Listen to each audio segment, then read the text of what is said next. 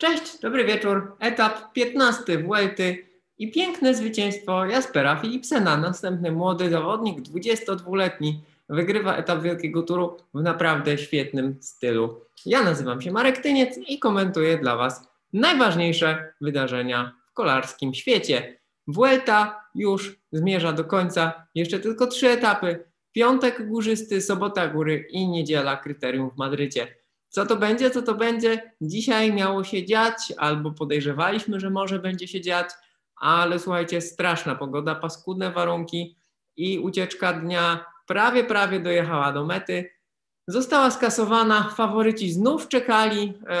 Chyba był za silny wiatr, żeby próbować e, coś ugrać dla siebie. No tak to jest, czekamy, czekamy, no i nie wiadomo, albo jutro y, Ineos i Education First nas zaskoczą, albo czekamy do soboty i będziemy sprawdzali prognozy pogody, co się będzie działo na Kowati i na dojeździe do Kowati. Tymczasem dzisiaj strasznie ciężki dzień w pracy, deszcz, wiatr, zimno, po prostu fuj, naprawdę paskudnie. Mm, pojawiały się komentarze, że co to się działo, że na Giro y, pod koniec wyścigu był zaplanowany bardzo długi etap, była podła pogoda, i kolarze postanowili protestować. E, na Vuelcie podobne warunki, podobna sytuacja. E, no i pojechali, pojechali i w sumie całkiem fajnie się pościgali. E, może słuchajcie, tego nikt nie powie wprost, bo wszyscy chcą utrzymywać dobre relacje, bo tutaj dyrektor Giro d'Italia straszy drużyny Jumbo Visma i Education First jakimiś pozwami w ogóle o utracone zyski, straty na wizerunku i tak dalej. Może na Chin Giro faktycznie po pierwsze było przesadzone, jeżeli chodzi o poziom trudności. Może faktycznie wszyscy byli zmęczeni tą walką o zachowanie zdrowia i tymi jakimiś problemami z zakażeniami z COVID-em i z tymi różnymi niedoskonałościami. No, podobno wszystko wskazuje na to, że protokół sanitarny ASO, czyli e, organizatora i właściciela Tour de France i Vuelty jest lepszy, lepiej działa i może dlatego zawodnicy stwierdzają, no, że mimo, że są wszyscy wymęczeni sezonem, słuchajcie, jest listopad, jest listopad, a oni jeszcze jadą w wielkim turze i ścigają się każdego dnia, więc wszyscy mają prawo być zmęczeni, a dzisiaj mimo tego, mimo tego pojechali. Była duża ucieczka dnia, i jakby taką główną postacią był Guillaume Martin, zbierał sobie punkty, próbował po raz kolejny e, wygrać etap, nie udało się, ponieważ w końcówce peloton przyspieszył, drużyny sprinterów, e, w tym Bora, Hansgrohe, wzięły się do pracy, no i skasowały, skasowały tą ucieczkę.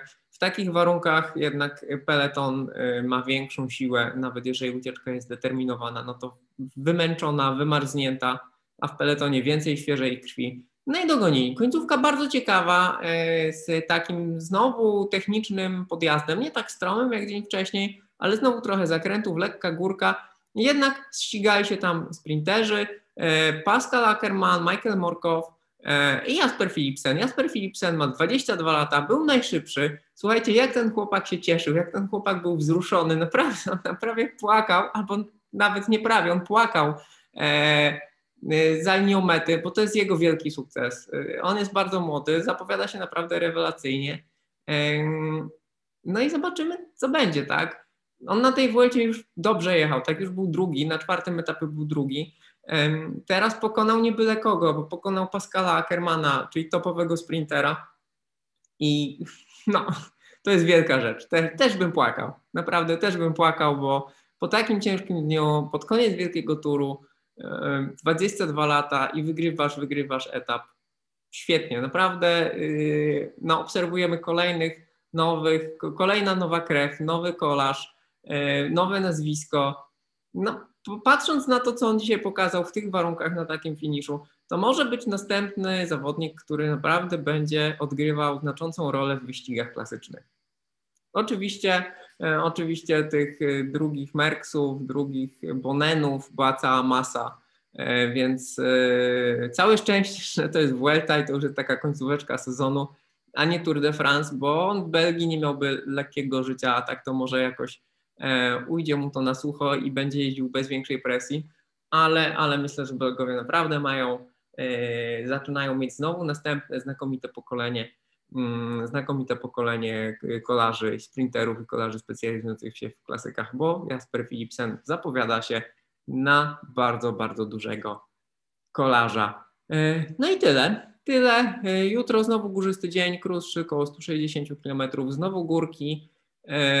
Trudno oczekiwać, żeby po tym, co widzieliśmy wczoraj i dzisiaj, jutro wydarzyło się coś wyjątkowego, no ale kto wie, kto wie, to jednak zawodnicy decydują o tym, jak się ścigają, może zbierali siły, może jednak w tych warunkach jak dzisiaj no trudno byłoby coś zrobić. Zatem y, piątek, górki, sobota, duże góry. Czekamy na rozstrzygnięcia. Bardzo Wam dziękuję i do zobaczenia, do usłyszenia jutro wieczorem. Mam nadzieję po większych emocjach, chociaż tak jak mówię, y, ten chłopak, Jasper Philipsen, jeszcze raz powtórzę to nazwisko, trzeba doceniać y, uciekinierów, trzeba doceniać sprinterów, bo robią świetną robotę. To są wielcy, wielcy sportowcy. Dziękuję bardzo, cześć.